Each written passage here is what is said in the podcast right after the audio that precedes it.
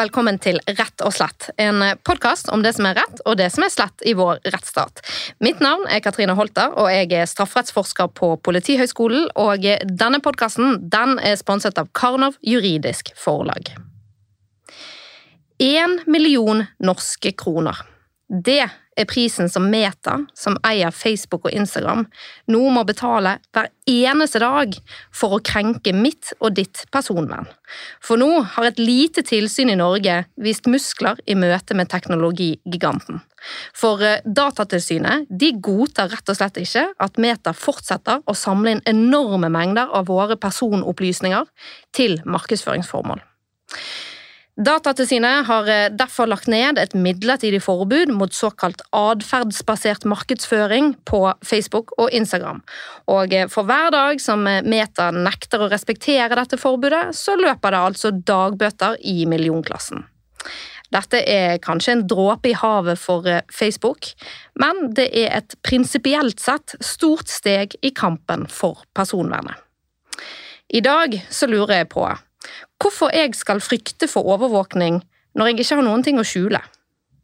Og hva er egentlig best, å bli overvåket av staten eller av private gigaselskaper?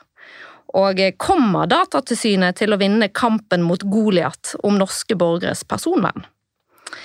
Jeg har eh, fått med meg Tobias Judin i studio. Han er sjef for eh, internasjonal seksjon i Datatilsynet. Han er Norges representant i Det europeiske personvernrådet, og eh, Tobias står midt i kampens hete mot Meta. Velkommen til Rett og slett. Takk for det. Datatilsynet har eh, valgt å ikke være til stede på Facebook, faktisk. Hva er bakgrunnen for det? Når man velger å opprette en side på Facebook, så får man faktisk juridisk sett et ansvar for det som skjer med, med følgerne sine personopplysninger. Så vi kartla ganske nøye hva det som egentlig skjer med disse personopplysningene, og da så vi at dette kan vi ikke stå inne for. Det er rett og slett veldig uklart hva som skjer med dem, men det er en veldig intensiv overvåking som vi ikke verken kan eller ønsker å bidra til. Og da tenker du på de brukerne på Facebook som da trykker inn på Datatilsynet sine sider på Facebook? Ja, Hva skjer med deres personopplysninger? Dere føler et ansvar for det. Så La oss f.eks. si at vi, vi, vi, velger å legge ut noe, en nyhetsartikkel om uh, om politi eller helse eller noe sånt. Noe. Og så begynner folk kanskje å kommentere ikke sant? og uttrykke sin mening i den ene eller andre retningen. Det kan generere mye slags informasjon, inkludert f.eks. politiske ytringer som Facebook da f.eks. kan bruke videre for markedsføringsformål.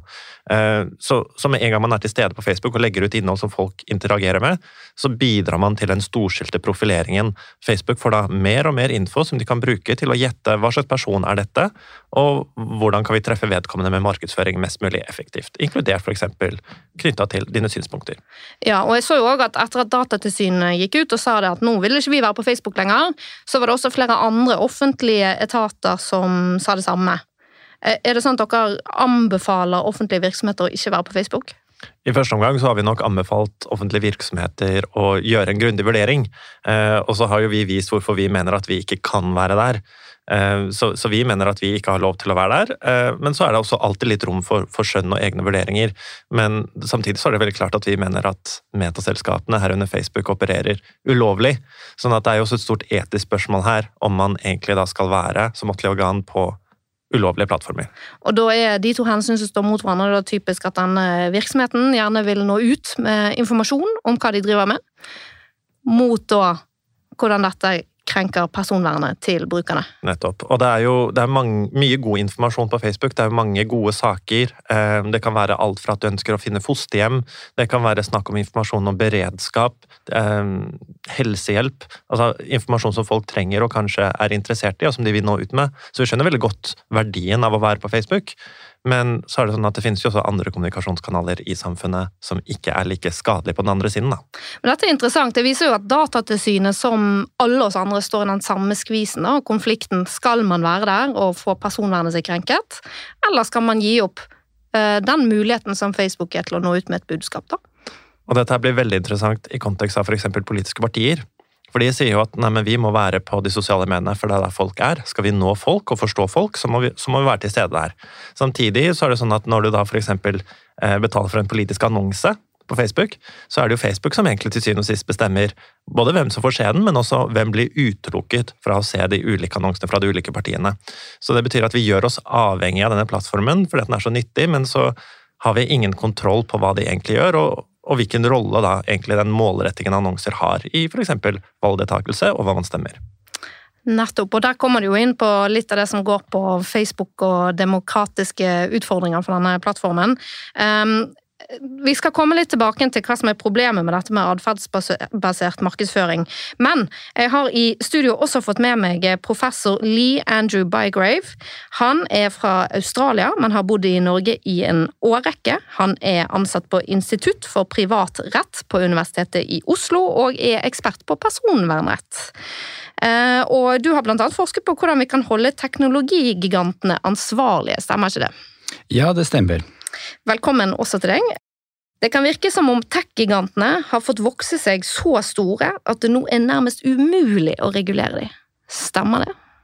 Eh, både og. Eh, altså, Tech-gigantene er aldri større enn et, et rettssystem. Eh, jeg tror et problem er at eh, vi mangler fremdeles eh, effektive mekanismer for å håndheve eh, gjeldende rett. Og gjeldende rett i prinsippet kan holde disse tech-gigantene til, til, ansvar. Eh, men, men det, det, går på nettopp den eh, håndhevelsesbiten som eh, ofte ikke er på plass.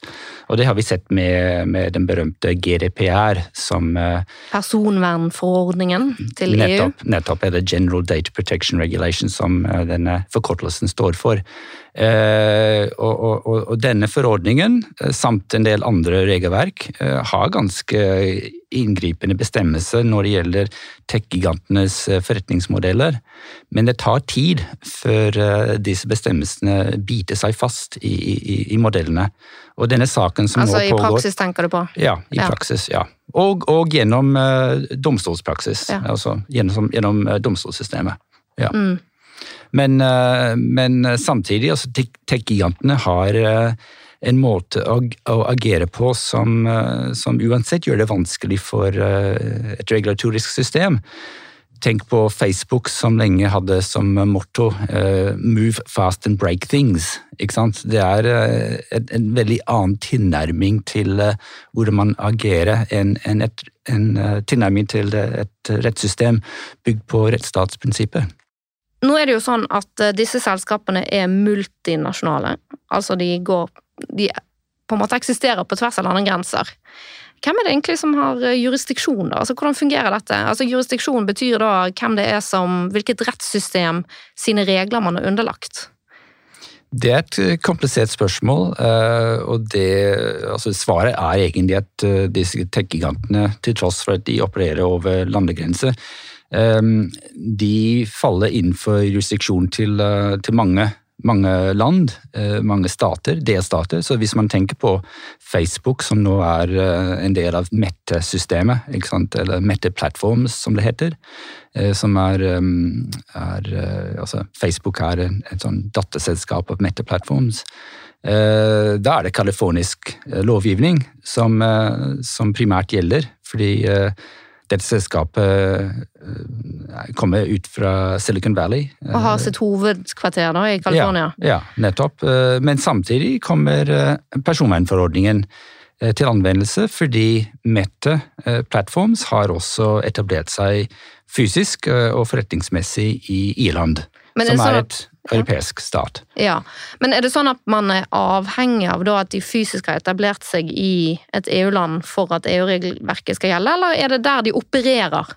Det er, eh, det, er, det, det, det er, begge deler. Eh, så hvis du har eh, en, en aktør som, som sender målrettet reklamer utenfra, altså mot folk i EU, så kan de også falle innenfor EUs regelverk.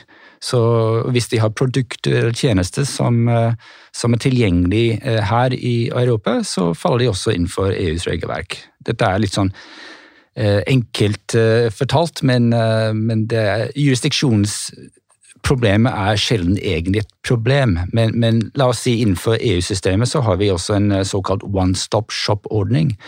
Og Det betyr at en, en tech-gigant som Meta Platforms egentlig skal forholde seg først og fremst til det systemet pluss tilsynsordningen som man har i Irland. Så det er ikke egentlig det norske datatilsynet primært som skal håndheve dette felles regelverket som er i EUs personvernforordningen. Det er det irske datatilsynet.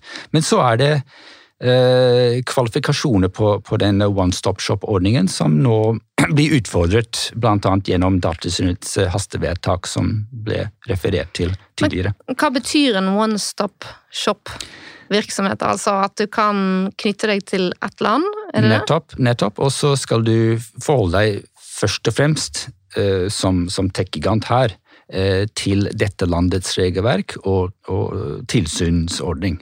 Og da er jo vi inne på det som har vært en av utfordringene tipper jeg da, for det som Datatilsynet har jobbet med i denne saken, altså at man skal prøve å holde Facebook ansvarlig for å krenke norske borgeres personvern, men de har en one stop shop-virksomhet som holder til i Irland. Tobias, vil du si litt om dette? Hva er, hva er denne Fortell litt om denne kampen mot Facebook eh, som dere er i gang med nå. Ikke sant. Um, så generelt så har de aller fleste tech-gigantene har sitt hovedkontor i Irland. De har lagt det dit. og Det er både av skattemessige grunner, men kanskje også fordi at de ønsker å være underlagt det irske datatilsynet og ikke de andre datatilsynene. Så Irland er både et skatteparadis og et uh... Ja. Et paradis for andre ting også, knytta til behandling av personopplysninger. Nettopp. for å si det sånn. Um, så på en måte i fem år siden vi fikk GDPR, så har vi da prøvd å på en måte påvirke uh, det irske datatilsynet til å håndheve effektivt. Så reglene er der, det eneste vi sier, er at disse reglene må håndheves.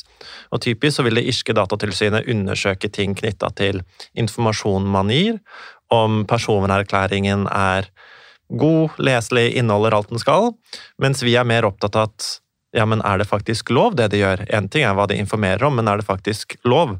Og der har det irske datatilsynet kanskje valgt å ikke sette inn støtte så mye. Eh, så det har vært eh, en oppoverbakke, for å si det sånn, fram til nå. Fram til vi da så en mulighet for at men hei, i visse tilfeller så kan vi faktisk handle i Norge nasjonalt for å beskytte norske borgere. og Det er den muligheten i lovverket som veldig sjelden brukt, som vi nå har brukt i denne saken. Ja, og det skal vi snakke en del mer om. Men kan du først forklare litt hva dette med atferdsbasert overvåkning er for noe? Hvorfor det er problematisk sett fra Datatilsynet sitt ståsted? Mm. Så atferdsbasert markedsføring går ut på at man observerer hva du gjør, observerer din atferd. Meta gjør dette? Meta gjør dette. Veldig mange gjør dette. Og så bruker man det til å lage profiler av hvem er du, hvordan er du som person, hva er du interessert til? og så bruker man det for markedsføringsformål. Så da kan f.eks. en annonsør si at ok, men jeg ønsker noen som har utvist interesse for sopp, sopplukking. Eh, og så har da f.eks. Meta og Facebook har da fulgt med liksom, ok, har du skrevet noe om sopp, har du likt noen sider på Facebook som handler om sopp, har du befunnet deg veldig mye i Nordmarka i det siste, for de sporer jo også lokasjonen, sant? Uh, og så finner du ut av det. Grunnen til at vi syns dette er problematisk, er fordi at det er i praksis digital overvåking. Det er ingen som spør deg på forhånd er det greit at vi får vite dette. De bare tar seg til rette, og de overvåker deg på måter som du sannsynligvis ikke er, er klar over. Så du har veldig liten valgfrihet. Eh, samtidig så tenker vi at de dataene Facebook eh, og Instagram sitter på altså Veldig mange i Norge har en konto på disse plattformene. sant? Veldig mange i Norge bruker de aktivt. Da får disse plattformene utrolig mye informasjon. Og vi mener da at den informasjonen blir så omfattende at disse plattformene kjenner deg egentlig bedre enn mange av dine næreste venner. Fordi at de ser ethvert aspekt av livet ditt. De kan analysere personligheten din. Eh, og det tenker da har det gått for langt. Bare for at noen skal målrette markedsføring. Det står ikke i et forhold. Eh, ja. Men Li, vil du forklare litt hvorfor dette her er så problematisk? Altså, man kan jo Er det så farlig om eh, Facebook vet at jeg liker å plukke sopp? Det gjør jeg ikke, da, men ja.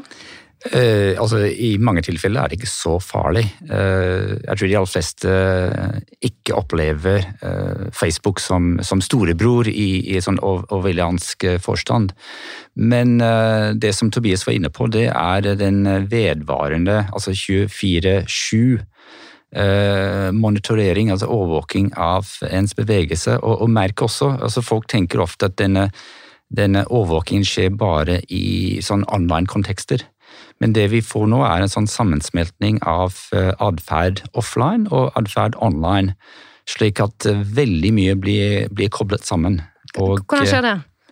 Hvordan? Ja, altså Hvordan Eh, kan Facebook få med deg hva du gjør når du er offline? Det er eh, delvis fordi vi har eh, visse dingser eh, med oss. Eh, Og noen ganger har vi dem integrert i oss eh, fysisk, så det er, eh, det er vanskelig nå å, å, å slå av eh, denne eh, overvåkingsfunksjonen. Betyr det at Facebook rett og slett plukker opp informasjon fra mobiltelefonene våre, selv når vi ikke påkobler Facebook? Det, det, det er litt sånn spekulasjon fra jeg, jeg, jeg vet ikke, jeg er ikke ingeniør her. Så svaret på det er kort sagt ja. Altså Både så samler Facebook og Instagram-appen inn informasjon fra mobilen din, teknisk informasjon, og inkludert lokasjon. I tillegg så er det sånn at Facebook-kode er integrert i mange av de andre appene på telefonen din. Så det betyr at når du åpner hvilken som helst app, så kan det være at den har Facebook-kode i seg. Da vil den appen sende informasjon til Meta, til Facebook, når du bruker den appen. Hvordan bruker du den appen? La oss si at det er en netthandelapp. Da sender den hele tiden signaler i det skjulte til, til Facebook om hva du gjør på den appen. Ja, men ok. ehm, så er det jo sånn at det er mange som mener at det er jo ikke så farlig å bli overvåket, fordi man har ikke noe å skjule. Og kanskje er det her en typisk tankegang i en stat der eh, befolkningen ikke har over, opplevd overgrep fra staten før. Det har jo normalt sett så har man jo snakket om, eller historisk sett har man snakket om overvåkning fra staten, ikke sant? Um, hva vil dere si til alle som tenker på den måten? Jeg tror det er ganske vanlig, ganske gjengs tanke. Jeg har ikke noe skjule, det er ikke så farlig for meg om jeg blir overvåket. Hvorfor skal vi bry oss om personvern? Det var vel Edward Snowden som sa at hvis jeg ikke har noe på hjertet, betyr det at jeg ikke trenger ytringsfrihet. Det blir jo det samme her. Hvis, hvis du ikke har noe å skjule, trenger du ikke personvern. Altså Man kan tenke seg, Sier du det samme til bestevennen din og til foreldrene dine, til kollegaene dine? Sannsynligvis så endrer du litt hva du sier. Det er ikke alt du er like komfortabel med å dele med alle. Og det som skjer her nå, er at noen ingeniører i California har da tilgang til alle deler av livet ditt, ting som du kanskje ikke ville vært så komfortabel med å dele med kollegaene dine. Og For å ta et veldig konkret eksempel, vi har jo testa litt disse appene og sett hva, hva er det f.eks. Meta tror at uh, min kollega i Datatilsynet er interessert i. Vedkommende gikk inn på profilen sin, og der sto uh, gay love og pride som interesser. Så Meta har da klart å utlede at vedkommende er interessert i disse temaene. Og da er det ganske høy sannsynlighet for at er du interessert i disse temaene, så antyder det noe om din legning. Vedkommende er tilfeldigvis skeiv. Kanskje er det ikke et, et, et, sammentreff. ikke sant? Og dette er informasjon som de fleste vil velge selv. Når de deler, med hvem de deler. Men Meta bare tar den informasjonen. Og greit nok, Det er ikke, det er ikke straffbart å være skeiv i Norge, men det betyr ikke at du skal bli fratatt din rett til å styre over din egen informasjon og ditt eget privatliv. Mm. Og så sier man jo gjerne da at problemene med personvern det er ikke alltid at det ligger, altså at det er så følbart på personnivå, men at problemene kanskje ligger mer på et samfunnsnivå. Altså at eh, informasjon er jo makt. Mm, nettopp. Ja, så det er eh, dette makroperspektivet som ofte blir fraværende med, med sånne utsagn som 'jeg har ingenting å skjule, derfor har jeg ingenting å frykte'. Eh, når man sier det, så, så sier man det gjerne ut fra eh, ens eget eh, perspektiv, og dette perspektivet er vanligvis ganske snevet, så det er eh, veldig subjektivt. Men eh, hvis man tenker på denne svære honeypotten som er eh, som er eh, under eh, etablering eh, av alle typer data, produkter av vedvarende overvåking, så er det utrolig mye som kan bli misbrukt. På en måte som ofte går under radaren til, til de aller fleste. Og som kan brukes til blant annet ja, manipulasjon, såkalt sånn nudging, hvor vi blir på subtil vis eh, skyvet til å ta visse typer valg. Og Det er det som vi ser antydninger til i eksempelvis politiske kampanjer. Ikke sant? Sånn at Problemet når det gjelder overvåkning i sosiale medier, er rett og slett at den informasjonen som samles inn om oss, den kan brukes til å påvirke oss på måter som vi ikke egentlig har bedt om eller ønsket. Mm. Eller er klar over. Mm. Mm. Ja, det er interessant. Ja. Også, og dette leder jo litt opp til spørsmålet om Um, hvordan dette har slått ut før. Altså Hadde f.eks. Facebook en rolle i det amerikanske valget? Det har jo vært noe som har vært uh, snakket mye om. Det er uh, litt, uh, igjen litt, litt, vanskelig å få uh, fakta på bordet, men dere husker kanskje Frances Haugen, en sånn whistleblower som jobbet som, som, såkalt data science, scientist i, i Facebook, før Facebook ble til på en måte Meta. Um, og hun, hun uttalte seg både i senatet i USA og, og også her i Europa, og virket veldig Ja, altså at hun, hun, visste hva hun snakker om. Og da, da mente hun at uh, Facebook annet hadde eh, gitt uh, data til ja, sånn selskap som Cambridge Analytica, som, som drev med, med et sånn valg, velge, som ikke var i samsvar med, med Facebooks uh, uttalt politikk på, på, på, det tidspunktet, blant annet. Men, men uh, så har det i ettertid uh, dukket opp spørsmål rundt Cambridge Analyticas virkelig virkning på på valgkamper både i USA og her i Europa, bl.a. med brexit-referendum. Eh, så det er, det er, veldig vanskelig å, å, å, vite hva som egentlig har foregått. Men det vi kan eh, tror jeg, konstatere ganske trygt, det er at misbrukspotensialet og manipulasjonspotensialet de er store. Hva er de verste utslagene vi har satt av dette her så langt, da? Igjen så er det litt vanskelig å vite, vite fakta, men vi har eh, ofte Dette er veldig interessant når vi snakker om hvilken informasjon du ser på disse plattformene, som kan være manipulativt. En annen side av det er hvilken informasjon du ikke får se. Så for eksempel Fra USA så er det et par eksempler på at boligannonser og jobbannonser ikke ble vist for de med melaninrik hud. Man ville bare ha hvite jobbsøkere og hvite mennesker som skulle bo i husene sine. Og Det er et veldig sånn klart eksempel på diskriminering. Og det er klart at Meta er ikke nødvendigvis interessert i din eh, etnisitet eller hudfarge. De spør ikke om den, men i og med at disse datasettene er så intrikate, så de som vet hva de gjør, kan kanskje klare å sy det sammen slik at de klarer å omgå Facebook sine sperrer og finne fram til grupper som sannsynligvis er hvite i huden, som har en del fellestrekk som mange som er hvite i huden, har. Ja, og når du snakker om på en måte hvilken informasjon man ikke ser, så får jo jeg også assosiasjoner til ytringsfriheten og informasjonsfriheten, som er den retten vi alle har til å gjøre oss kjent med informasjon. da. Ja, og det er også noe vi har faktisk bygget vårt vedtak på. En ting som vi mener er veldig negativt. så for Meta sin side så er det viktig å si at de mener at de bidrar til informasjonsfriheten ved at man får informasjon som man ellers ikke kunne sett, og det er på en måte tilpassa til dine interesser. Men, men, så peker vi på at ok, men, men, du har ikke selv noen kontroll over hvilken informasjon du får se, og dermed heller ikke hvilken informasjon du ikke får se. Og Det finnes ikke noen måte at du kan finne ut hva alle andre har sett, og som du ikke har fått sett. Og dette skiller seg kanskje litt fra eh, tradisjonell annonsering, hvor man kan si at ok, man annonserer i visse områder i landet eller visse deler av byen, igjen. Hvis jeg ikke bor der, så ser jeg det kanskje ikke, men jeg kan oppsøke det. Jeg kan se selv hva er det mennesker på østkanten ser, hva er det folk på vestkanten ser.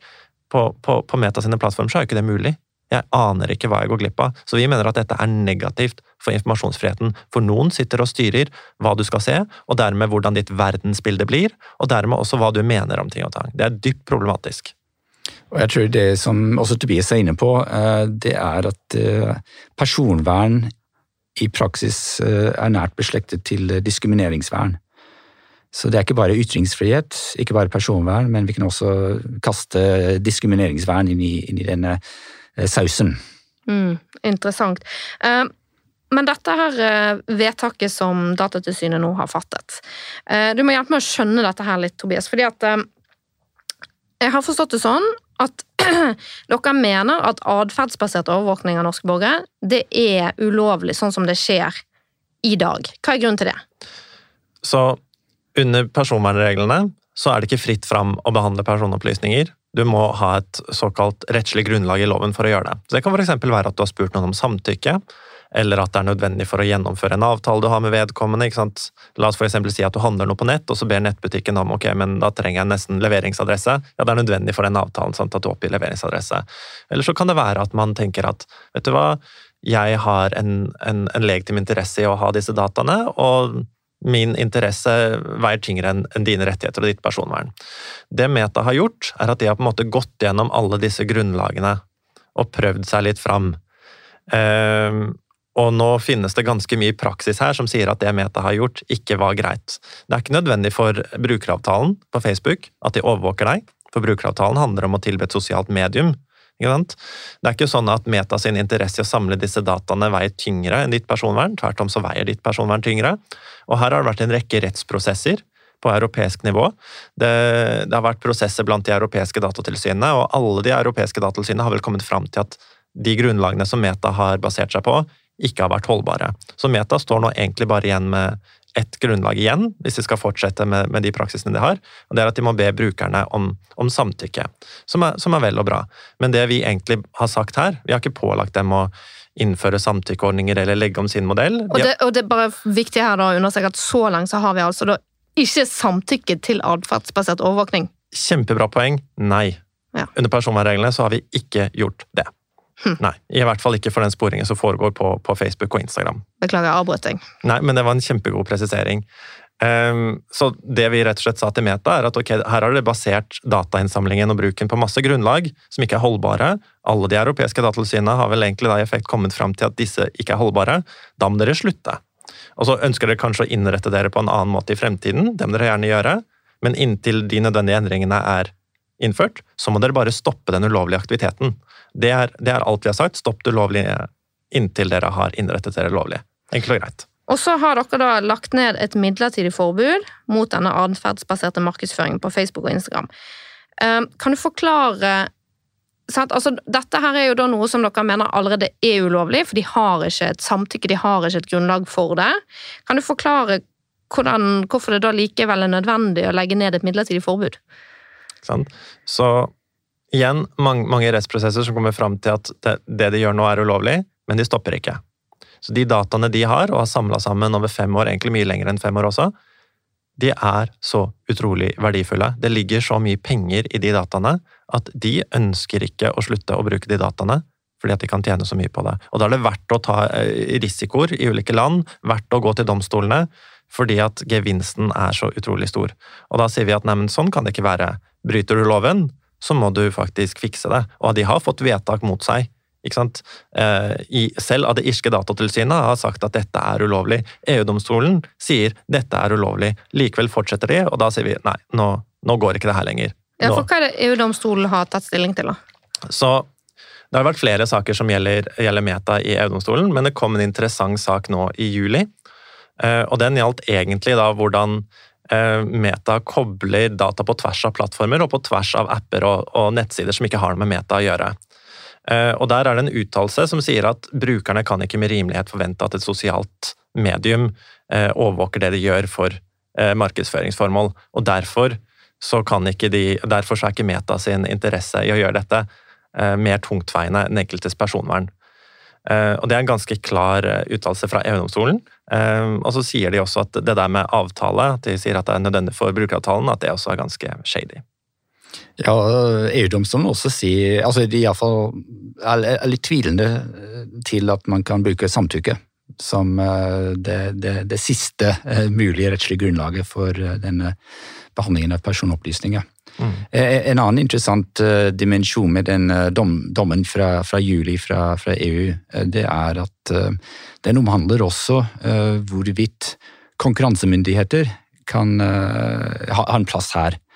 Og det sier EU-domstolen at jo, det er ikke bare organer som Datatilsynet, disse som har personvern som som eksplisitt tematikk, tematikk og, mm. og, og, kompetanseområde, men også Eh, lands eh, konkurransemyndigheter kan også ha, ha en rolle her i håndhevelse av, eh, av konkurranselovgivning med, med, et sånt personvernmessig snitt.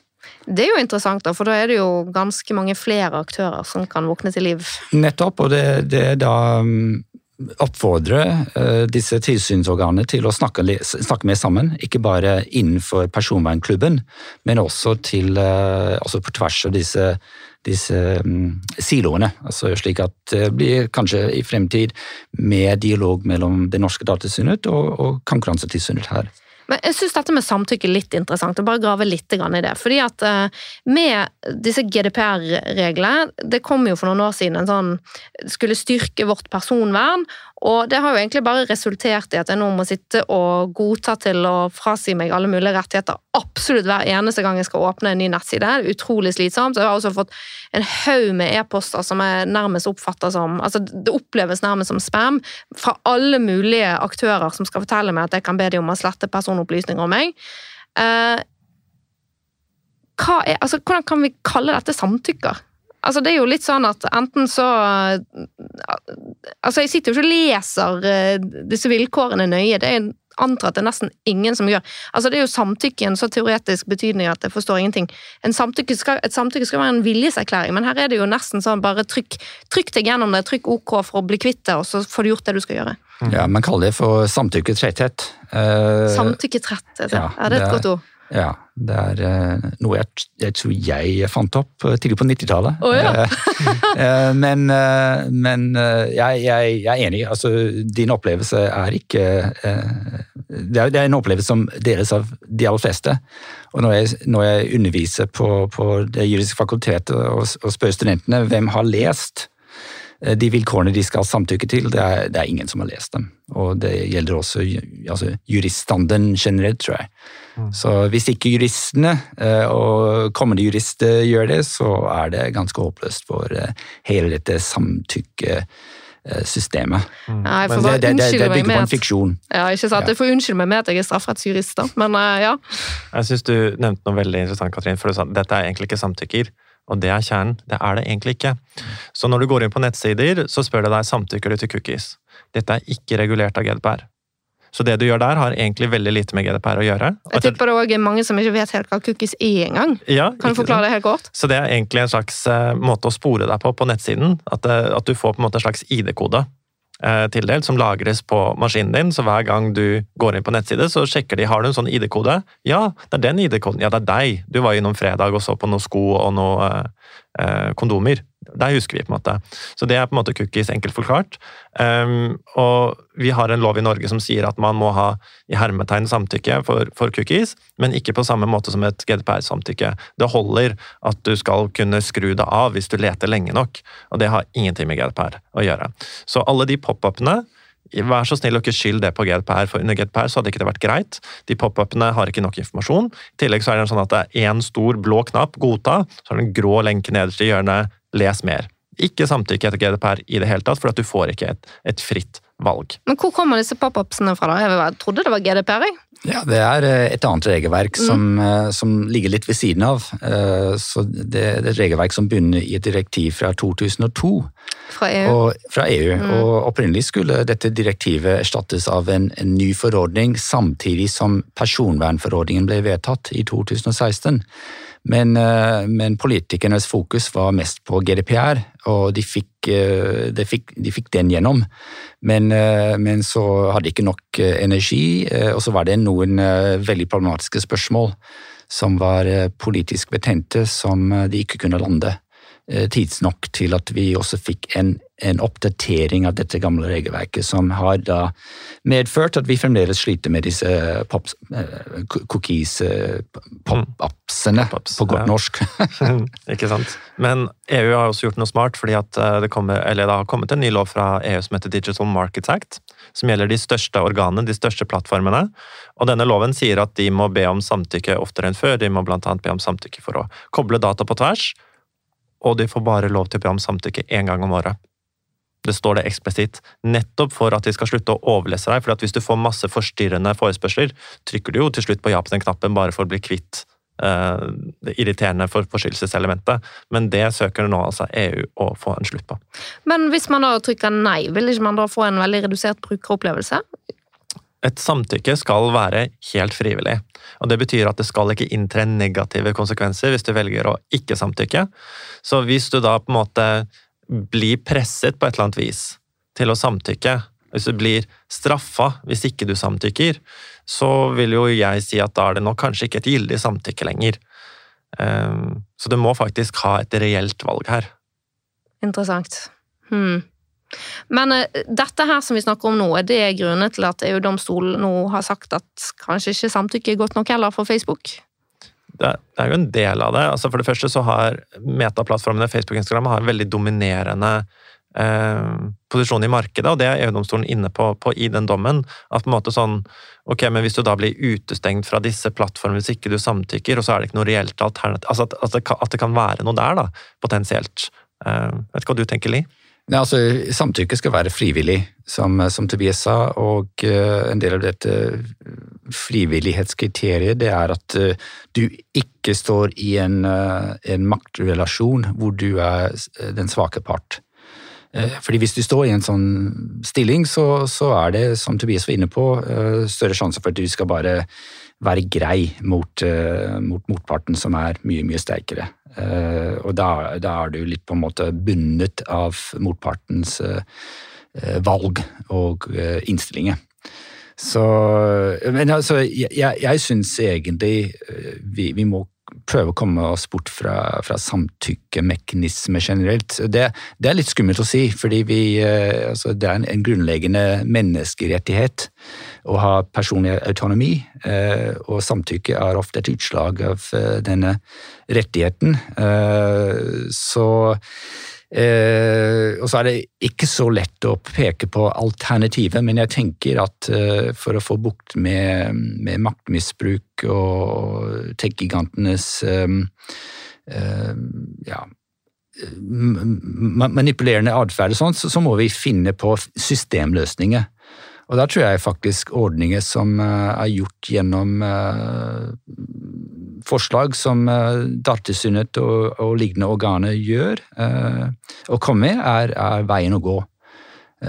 Så jeg vil helst ha litt, litt mer paternalistisk regulatorisk system enn et system som bygger på at det er vi som enkeltindivider som skal ta stilling tusenvis av ganger daglig nesten til alle disse plattformenes eh, ønsker. Men du er inne på noe viktig der eh, når det gjelder personene, sånn som jeg har forstått det. Altså at eh, det er litt sånn, tror jeg, at når man sier at 'jeg har ingenting å skjule', osv., så, så er dette her et, et utslag av opplev, altså at ikke, Problemet ligger ikke så mye på personplanet som det gjør på samfunnsplanet, og dermed er det også naturlig at det må være på samfunnsplanet at man må løse dette her. Og er det ikke også sånn i dag at om jeg så hadde gått inn for å ikke skulle gi bort noen personopplysninger til Meta eller de andre store tech-gigantene, ville det vært mulig å fungere i samfunnet i dag? Altså bare, bare sånn som det er blitt nå, da. Bare ta en liten sånn kjepphest fra min side. Ehm, jeg syns det var veldig trist når eh, universitetene og akademia sluttet å ha eh, fasttelefoner på kontorene. For det, Nå blir du helt avhengig av å ha en mobiltelefon med deg på jobb hver eneste dag, og dessuten må du bruke mobiltelefonen din til sånn to-autentifisering for å komme inn på ulike systemer og sånn på jobb. Det betyr at det er helt umulig på en måte å koble seg av og sitte og jobbe. Eh, og det viser jo eh, noe av utfordringen her? Jeg tenker, tenker, absolutt det. Og det er interessant, da, selv om du skulle prøvd å stoppe eh, delingen av data med, med, Facebook og Instagram, så hadde du ikke fått det til. Og Det er fordi at også veldig mange nettsider har Facebook og Instagram-kode installert i seg og sender data til Facebook og Instagram.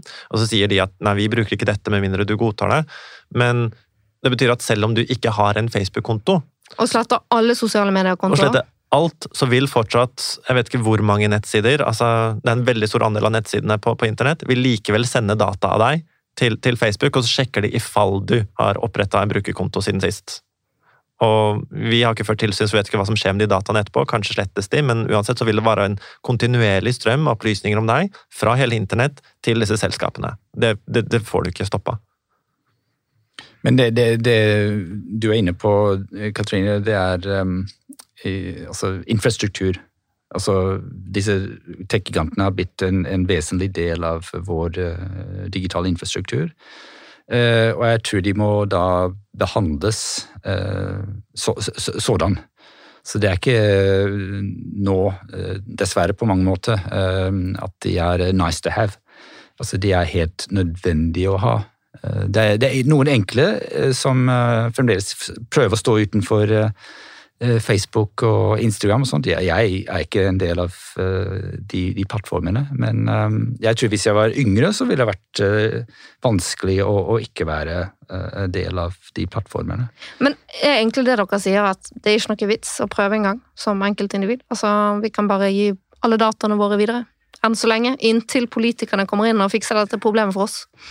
Nei, men altså politikerne skal vi, vi, de, de, må gjerne agere på, på, vegne av oss, så vi må uttrykke ønske. Så jeg syns denne tilnærmingen er litt, litt, litt fatalistisk.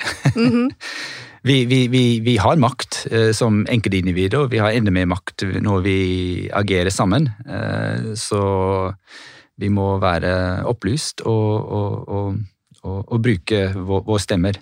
Men det kan jo virke som at eh, det ikke er så veldig brennhett tema, dette her, blant norske politikere. Altså, det er jo partiet Venstre snakker en del om personvernet, personvern, og de blir ofte beskyldt for å drive med på en måte sånn eh, studiesirkler og den slags. Jeg tror for mange så er det der å få konkretisert hvorfor personvernet er viktig, det tror jeg er Eh, jeg tror det er noe der det ligger, at det blir litt sånn høytsvevende av og til. At man ikke helt klarer å forutse konsekvensene av det på samme måte som andre samfunnsproblemer som man merker og ser foran seg. Ehm, hvorfor eh, tror dere at norske politikere er, ikke er mer på ballen? Og er det en riktig eh, mm. observasjon fra min side?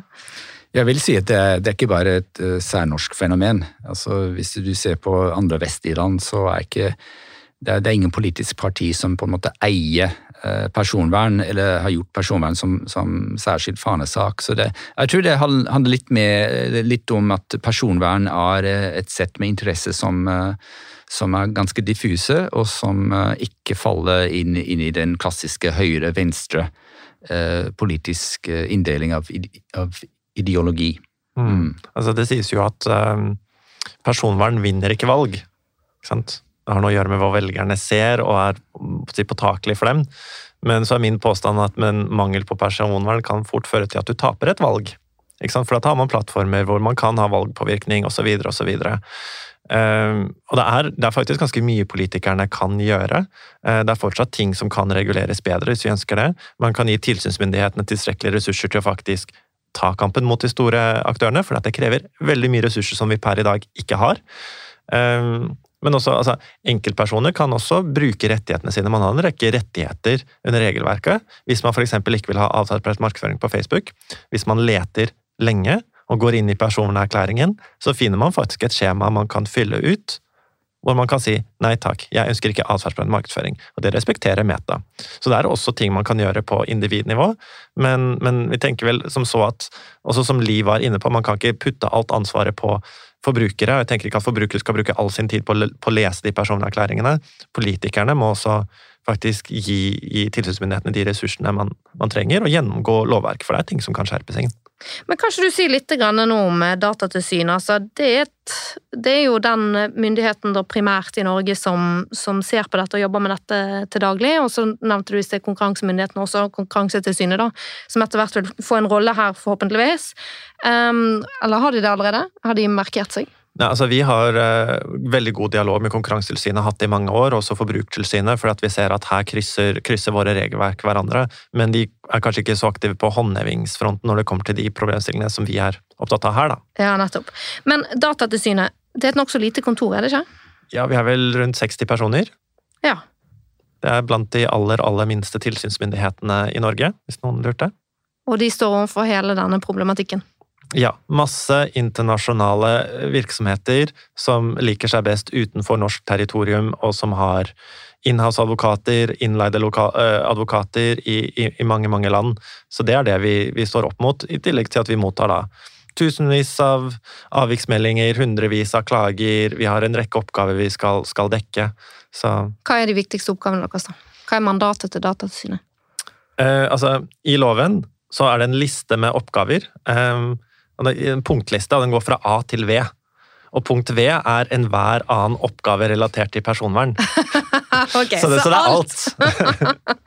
jeg skjønner. jeg skjønner. Ok, Men eh, vi må tilbake til Datatilsynet sin kamp mot Facebook. Dere har altså nedlagt dette her eh, vedtaket om et midlertidig forbud. Det løper dagbøter.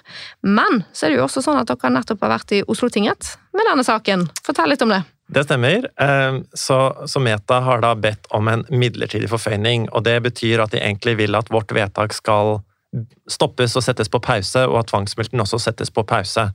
Tvangsmulkt er altså dagbøtene som løper? Ja, det er, mm. det er dagbøtene. Um, så det er da altså, og Grunnen til det er fordi at de mener at dette vedtaket, så lenge det blir stående, påfører dem da en uopprettelig omdømmeskade. Eh, fordi at de, de har da valgt å ikke følge vedtaket vårt, og da mener de at det fører til så mye negativ omdømme at da må alt settes på pause inntil, vi, inntil de kan saksøke oss og vi kan gjennomgå en full rettssak i 2024 en gang.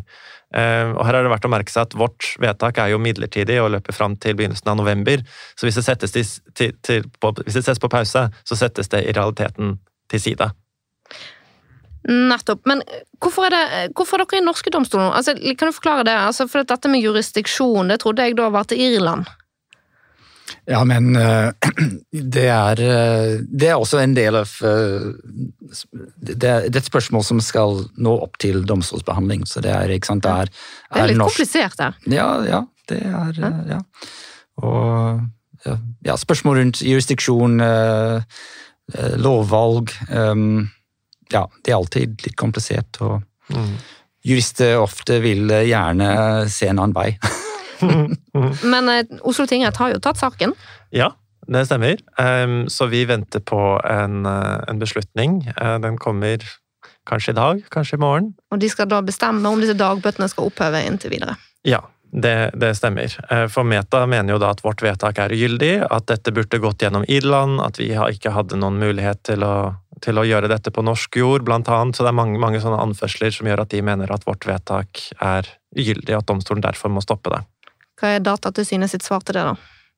Vedtaket er gyldig, det er godt utredet. Vi er, Meta har uttalt seg flere ganger i saken, ehm, og det er heller ikke mener vi da, vi mener at det ikke er særlig tvilsomt at Meta sin nåværende behandling av personopplysninger er ulovlig.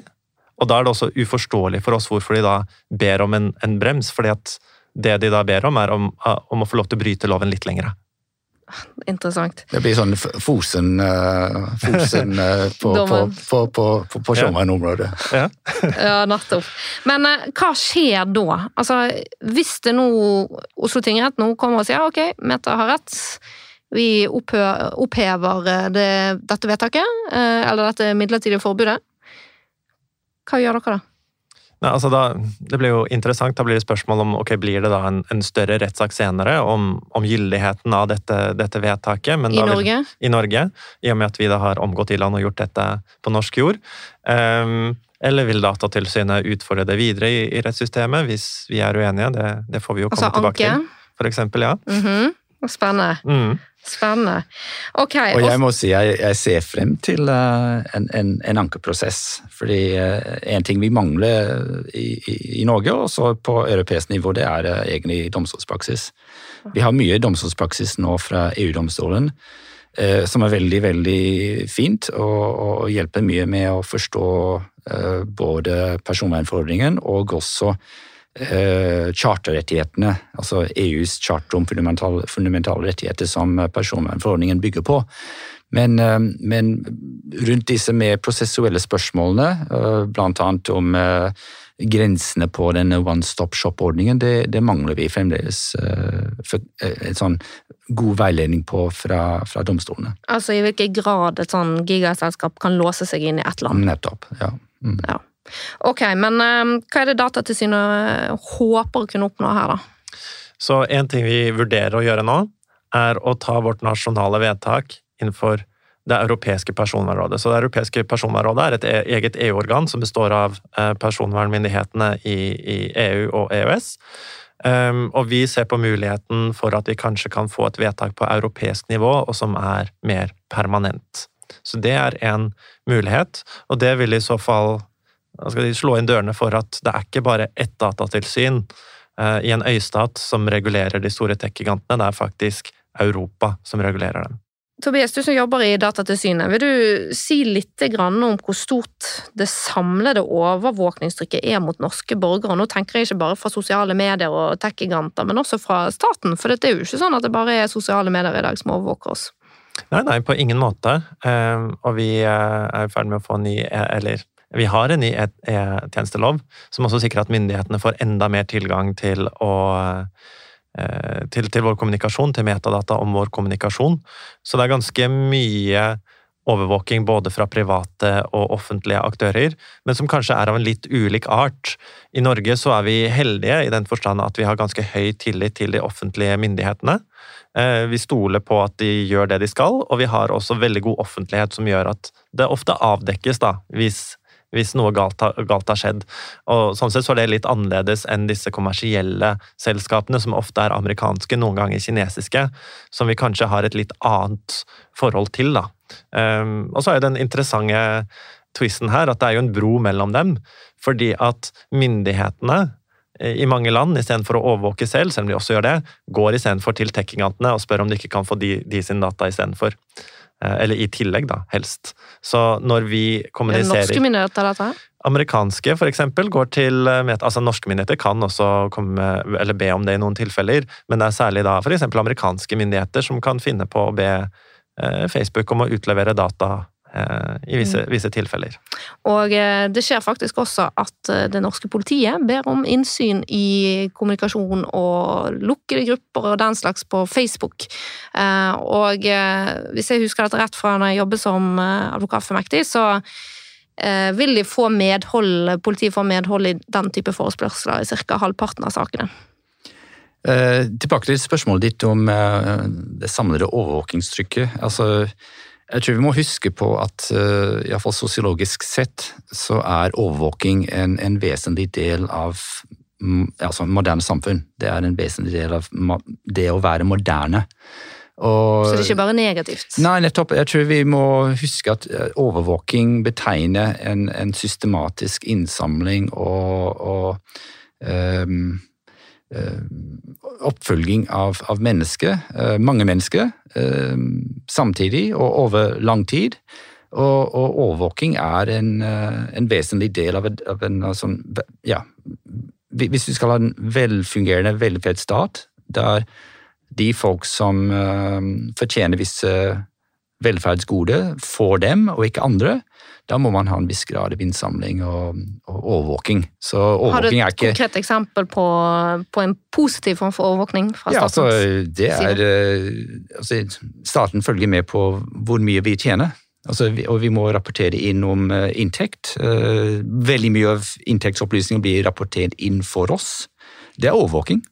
Det er overvåking, så, så jeg tror vi må huske at overvåking er et mer sånn nøytral samlebegrep, eh, sosiologisk sett iallfall, eh, som ikke nødvendigvis bunner i, eh, i noe som er skummel, eller noe som er farlig, eller noe som er rett og slett evil. Mm. Men når er det overvåkningen blir problematisk, da? Ja, nettopp det, og jeg husker iallfall Georg Apenes, det gamle altså første direktør for Datatilsynet, sa at sant, det er ikke nødvendigvis overvåking i seg selv, men det er denne overdreven maktmisbruk som vi skal vokte oss for. Uh, samtidig var han veldig obs på ikke bare storebror, men storemor. Uh, så han sa at velferdsstaten har uh, en, en, legitim behov for å kartlegge hva vi gjør, men vi må samtidig altså, det, er, det er noen grenser her som vi må hele tiden tenke på det er egentlig en, en, en, en plikt vi har som, eh, som medborgere, å tenke igjennom ok, hva er greit, hva er ikke greit. Eh, og det gjør vi ofte. Ja. Mm. Mye handler om forholdsmessighet og ulike interesser, så staten har også en, en oppgave når det kommer til å holde oss trygge, ikke sant? Beskytte oss mot terror, beskytte oss mot kriminalitet. Og da er jo overvåking et verktøy som faktisk også bidrar til å sikre våre interesser. Men så er poenget at disse to interessene eller disse to rettighetene må stå i et rimelig forhold til hverandre. Så personvern handler egentlig om forholdsmessighet. Personvern er ikke en absolutt rettighet du har, men det sier at okay, det skal være et rimelig forhold mellom overvåking som skjer, og dine rettigheter. Og, men også i kommersiell sektor så kan det jo være at du får fordeler ut av at noen følger med. Altså, Mange vil jo kanskje ha personaliserte tjenester, ikke sant? Eh, og det kan vi jo alle kjenne oss igjen i, ikke sant? Og at man da kanskje aksepterer at de følger litt med på hva som skjer. Men så er det avgjørende også her at det er proporsjonalt, og at du har noen kontrollmekanismer. Du forstår hva som skjer, du kan kanskje påvirke hva som, hva som skjer. og Det er ikke sånn at de bare tar dataene, eh, løper av gårde til banken og blir eh, verdens mest største og rikeste selskap. Som er det som egentlig skjer, da. Mm. Men er det hva vil dere si? Altså, vil dere si at det er bedre da å bli overvåket av staten enn av Facebook, eller skjer det uproblematisk overvåkning også i de sosiale mediene? Altså, vi, hvordan tenker dere rundt dette? Jeg tror dette er veldig kontekstavhengig. Altså, Hva slags stat overvåker oss? Eh, er det en stat som eh, er litt sånn ja, storbyaktig? Er det en stat som eh, er tuftet på altså, ja, demokratiske, liberale idealet. Um, det kan jo endre seg, da. Man det kan, endre seg, det, det ser vi Kanskje fort. Ja, du ja, får ja, eh, partier som kommer til makt, og som mm, mm. ikke har eh, en slags demokratisk grunnholdning. Ja, og det er derfor det er så farlig med denne, dette utsagnet som vi diskuterte tidligere. ikke sant? Jeg har ingenting å skjule. Derfor har jeg ingenting å frykte, fordi dette utsagnet speiler nåtiden. Men vi vet ikke hva som skal skje i, i, i fremtiden, og blant annet hvordan staten, eh, også her i Norge, eh, blir. Og vi ser også hvor fort ting kan endre seg med denne pågående krigen i, i Ukraina. Vi har en, en geopolitisk nabo med, med ja, en ideologi og ja, en, en, holdning til menneskeliv og menneskeverd som er veldig veldig annerledes. Og, ja. Men kan man si da at det vil være viktig forebygging egentlig, å sørge for at man ikke gir staten for mye unødvendig informasjon som ikke vil bli misbrukt av dagens stat, men potensielt eh, Det ligger et misbrukspotensial i det for en fremtidig eh, regjering. Vi er litt opptatt av det. Um, så du kan si at det er mange gode registre for eksempel, man kan opprette for forskningsformål eller hva enn det måtte være. Uh, noen ganger så er Datatilsynet litt kritisk til ok, er det absolutt alt det er så lurt å opprette. Er det, er det, er det lurt å opprette en database over alle skeive i Norge, eksempel? Det, kanskje det kan hjelpe oss med forskning, uh, bedre levekår til en uh, utsatt gruppe, men så skylder det en høyere ekstrem høyrebølge over, over, landet, og så plutselig blir dette brukt til uh, å forfølge skeive. Så det er, det er, noe med å på en måte se det langsiktige perspektivet her, og så vet vi også ofte av, av, erfaring at når noen kommer på et godt tiltak for ett formål, så er det bare et tidsspørsmål før noen andre kommer og sier ja, men jeg har også et godt formål, kan vi ikke også utvide bruken til å inkludere dette formålet? Og så kommer det et tredje formål, også et fjerde formål. Så det, det systemet som du kanskje oppretta for én god grunn, kan i fremtiden ende opp med å bli brukt til ganske mange ulike ting. Og det er på en måte sånn, Hvis du først oppretter det, så er det der, og folk vil bruke det. Men her blir jo kontrollmekanismer da ganske viktig, ikke sant? Men så tenker jeg at noen kontrollmekanismer som er sånn ja, det skal kun brukes for dette formålet og sånne ting, det er jo sånn som hvis du får en høyreekstrem regjering på et eller annet tidspunkt, tipper de bare vil hoppe bukk over det, så har du andre kontrollmekanismer, sånn som sletting, som jeg tenker da er mer effektivt. For eksempel men sånne ting vil jo da ofte være nedsatt i, i lov, og lover kan, kan, jo også endres. Så det er jo på en måte spørsmålet, da. Uh, I et sånt eksempel, da. Um, hvordan skal du regulere det? Hvem skal ha myndighet til å bestemme at ja, men hvis de og de vinner valget, så sletter vi dataene? For sånne ting skjer jo ofte også litt sånn, sånn gradvis, kanskje. Mm, så det er egentlig viktig at det slettes underveis og løpende, da. Ja. Nettopp. Og det er jo en viktig kontrollmekanisme at man sier at ja, disse opplysningene kan staten samle inn, men de kan bare lagret i typ tre måneder, f.eks. Ikke sant. Og det finnes jo en del sånne slettefrister i lovverket, f.eks. apropos det med regnskapsføring og bokføring. Det, det, det er data som vi trenger, trenger, å ha ganske mange viktige årsaker, men det er en lagringsbegrensning i, i lovverket. Men er ikke det litt sånn varierende hvor mye de slette reglene følges opp rundt omkring? Jeg håper da ikke det. Det, det, det, det, er det sikkert. Men uh, dette med sletting det er kanskje en av de grunnleggende endringene som GDPR, uh, personvernforordningen, medførte. Jeg husker jeg snakket med flere um, av de store leverandører som um, uh, til sånn um, ja, di, di, ja, digitale plattformer. Dette er ikke dette er ikke Google, men, uh, men selskapet som leverer tjenester til, til offentlige organer. Og de sa at før GDPR så hadde de systemer hvor data ble lagret som standardinnstilling. Eh, storage by default. Men det kunne de ikke fortsette med eh, da GDPR eh, ble, ble til. Så de måtte ta en aktiv, aktiv, stilling til hvor lenge skal man beholde data. Så det er dette, når, folk spør ja, men har GDPR egentlig gjort noe, jeg sier alltid jo, det, det har medført at det er iallfall langt flere registre og systemer rundt omkring som ikke har Eh, langtidsdaglige data som, eh, som standardinnstilling. Ok, vi nærmer oss avslutningen, men før vi, vi, kommer dit, så kan vi si litt sånn Nå har vi snakket litt sånn generelt om overvåkning, vi har snakket en del om atferdsbasert markedsføringsovervåkning. Men kan dere si litt mer generelt om hvordan norske borgere blir overvåket i sosiale medier i dag? er det eksempel sånn, som mange lurer på, tror jeg, om Facebook og andre tech-giganter lytter til det vi faktisk sier. Jeg har i alle fall opplevd det en gang da jeg satt med min far, og så snakket vi om en bok som lå på bordet. Og jeg er ingen stor leserhest, jeg leser veldig lite skjønnlitteratur, så hvor den informasjonen kommer fra, det kan man jo lure på. Vi snakker om den boken, jeg tar opp Google, og så skriver jeg 'bok' på Google, og så får jeg opp som forslag den boken vi nettopp har snakket om, som lå på eh, bordet. Det var ganske creepy. Var, eh, hadde faren din en sånn Alexa hjemmeassistent eh, ved siden av? Nei, det tror jeg ikke. Han er ikke så veldig teknologisk av seg, i hvert fall.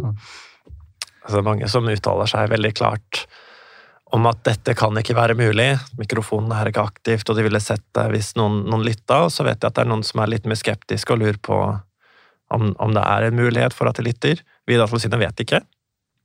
Selskapene sier at de ikke gjør det. Men det er ikke en konspirasjon?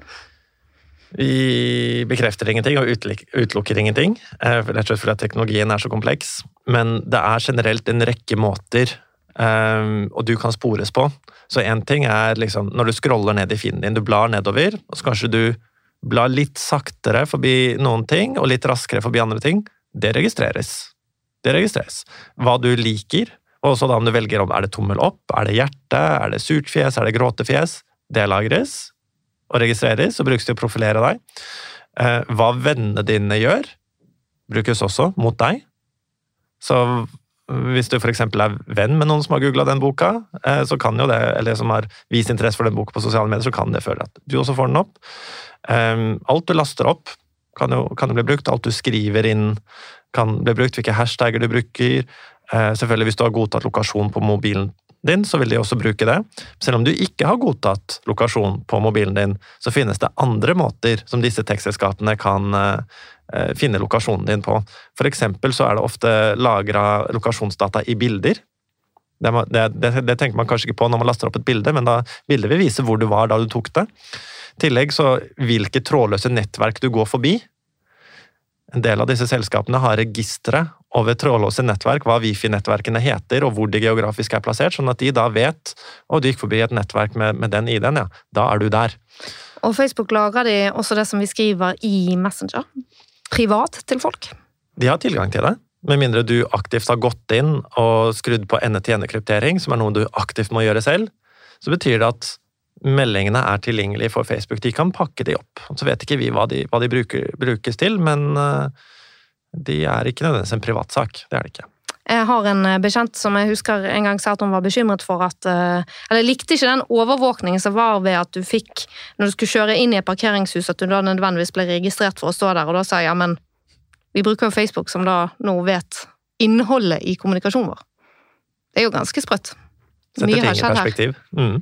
Mm. Og, og, med de nye bilene så er det veldig mye av ja, føreatferd som blir nå registrert, som ikke ble registrert tidligere. Og som da blir kommunisert også, ikke bare til eh, bilselskapet, men, eh, men til, til, mange andre aktører. Så. Lytter de til det vi snakker om i bilen òg? kan hende.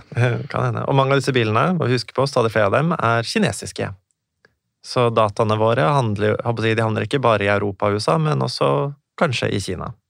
Men eh, hva er deres råd til brukere av sosiale medier, da? Bør man slette kontoene sine? Hva bør man gjøre? Altså, Grunnen til at vi tar en sak som det her, er nettopp fordi at folk skal kunne bruke sosiale medier uten at rettighetene deres blir tilsidesatt. Så vi ønsker ikke å gå, gå, ut og si at nei, nå er moroa slutt, og alle må inn og lese bøker. Vi gjør dette nettopp for at det skal være trygt å være på sosiale medier. Så vi ber ikke folk om å slette, men vi minner om at det finnes en, en, rekke rettigheter. At du kan gå inn og skru av atferdsbasert markedsføring. Du må lete godt, men det er mulig. Du kan be om innsyn i dataene dine. Eh, men eh, mest av alt tenker vi at det er viktig å bare være litt oppmerksom på det som skjer, og skjønne at det du ser i, i nyhetsfeeden din, er ikke nødvendigvis det samme som andre ser. Og du bør ikke ta det som står her for god fisk, og du bør kanskje oppsøke andre informasjonskilder. Hvis ikke så ender disse plattformene opp med å styre ditt verdensbilde, og det er en makt vi ikke trenger å gi dem. Kommer Datatilsynet til å vinne kampen mot tech-giganten Facebook? Det spørs hvordan man definerer vinne. Jeg tror iallfall eh, altså Dette er en, en en kamp som foregår over lang tid, eh, hvor eh, det blir ikke noe enkel, eh, enkelt seier. Det blir kanskje en rekke med, med små kamper underveis, med noen seire, noen tap. Men det er klart at Mette, og dermed også Facebook, Instagram, WhatsApp eh, osv. som er innenfor Mette, Mette, Mettes forretningsunivers, eh, de, de, følger at de er nå under angrep eh, fra, fra Europa. Ikke bare der, men også Federal Trade Commission i USA. En veldig mektig og, og aktiv aktør her, med mulighet til å bøttelegge disse selskapene Eh, på betydelig vis. Eh, så mm, vi må huske det er, det er andre regulatoriske myndigheter rundt omkring i verden utenfor Europa som også har en del å si her. Eh, vi har også nå ny lovgivning under oppseiling. Tobias nevnte Digital Markets Act, men det finnes også Digital Services Act. Det finnes snart en AI Act, eller forordning om kunstig intelligens. For EU-data? Mm. Fra EU, sant? Ja, ja, så det er EU eh, e kommet EU eh, e er nesten i sånn reg, ja, reg, regulatorisk overdrive. altså De, de kommer med veldig mye eh, lovgivning eh, ganske fort, og kanskje noen vil si litt for fort. Eh, det er litt for mye, men, men mye av den lovgivningen har, på papiret iallfall, eh, en potensial til å hemme inn disse tech-gigantene og holde dem mer ansvarlig for, for det de gjør. Og dere gir dere vel ikke? Nei, vi gir oss ikke. Nei. Det har vi ikke tenkt å gjøre. Og det er som Lee sier, at dette er et langt lerret å bleke. Og det vi eh, håndhever i dag, det kan se helt annerledes ut i morgen, fordi disse tjenestene endres så fort. Men vi tenker at den maktbalansen som har vært, at tech-gigantene får holde på med sitt, den er i endring. Og nå tror jeg at myndighetene sitter mer i førersetet enn det, vi, det, det man gjorde tidligere. Ja, det er veldig bra. Og eh, da har vi kommet til den avsluttende spalten i denne podkasten, der mine gjester får anledning til å fremheve noe som man synes er rett eller slett i vår rettsstat. Og da, Tobias, kan du få begynne. Jeg synes det er veldig passende spørsmål, for under GDPR så har man rett til sletting. Men utover det så syns jeg det er slett i vår rettsstat at veldig mye av det digitale økosystemet har gjort seg avhengig av denne atferdsbaserte markedsføringen. Og det blir som om at vi ikke klarer å, å løsrive oss fra det, fordi at, ja, det er så mange selskap som tjener penger på det, og kanskje disse selskapene har gode tjenester osv. osv. Men jeg skulle kanskje ønske at man da også fra et demokratiperspektiv så men hvilke skadelige effekter har dette for individer, for samfunnet, for demokratiet? Kanskje man faktisk skulle gått inn og regulert det? For det er ikke sånn at vi må være avhengig av denne forretningsmodellen. Vi kan finne andre forretningsmodeller og andre systemer som Liv var, var inne på. Og dette er en oppfordring til norske myndigheter, norske politikere? Rett og slett til norske politikere. Gjør mer. Gjør mer. Li? Eh, når det gjelder rett, eh, som utlending så må jeg si jeg er alltid imponert over det offentlige ordskiftet her i Norge. Det er eh, sivilisert. Det er um, Holder du sosiale medier eh, unna her nå? Ja, jeg gjør det. Men jeg, jeg er også ikke, ikke med på disse sosiale medier-feierne, så det er eh, feidene. Så det, er, eh, det kan hende at jeg får et litt eh, feilaktig inntrykk. Men, eh, men generelt så er det iallfall en sivilisert tone med, med mye gjensidig respekt eh, vist av eh, politikerne. Og eh, jeg har vært med i flere lovgivningsprosesser som jeg syns er eh, imponerende. De er, de er ryddige, de er systematiske, de er forutseende. ehm, så, så dette er noe jeg vil berømme fra et litt sånn utenlandsk perspektiv, for det er ikke noe vi skal bare ta for gitt. Eh, så det er eh, noe som vi kan iallfall være stolte over her i Norge, og fortsette at, det, at denne kvaliteten på diskurs eh, holder det høye nivået det nå har. Når det gjelder slett eh, Ja, godt poeng rundt sletting, eh, Tobias. Jeg vil noe, fre- fremheve noe som er litt, litt beslektet. eh, Det er at jeg er bekymret for um, for vår evne til å gjøre noe med, med den eh, utrolig svære mengde misinformasjon og disinformasjon. Altså, Og det veldig bra at du tar opp dette, for det rakk vi har- ikke innom i dag, og det er et Nei, kjempeviktig tema er det. denne rubrikken. ikke minst for eh, ja, det demokratiske ordskiftet. Og, og jeg er virkelig bekymret. Og jeg tror ikke at vårt rettssystem nå har eh, de nødvendige verktøy til å håndtere dette problemet. Kan de finne ut av det, tror du? Vi må. Politikerne? Alle. Hvordan skal vi gjøre det?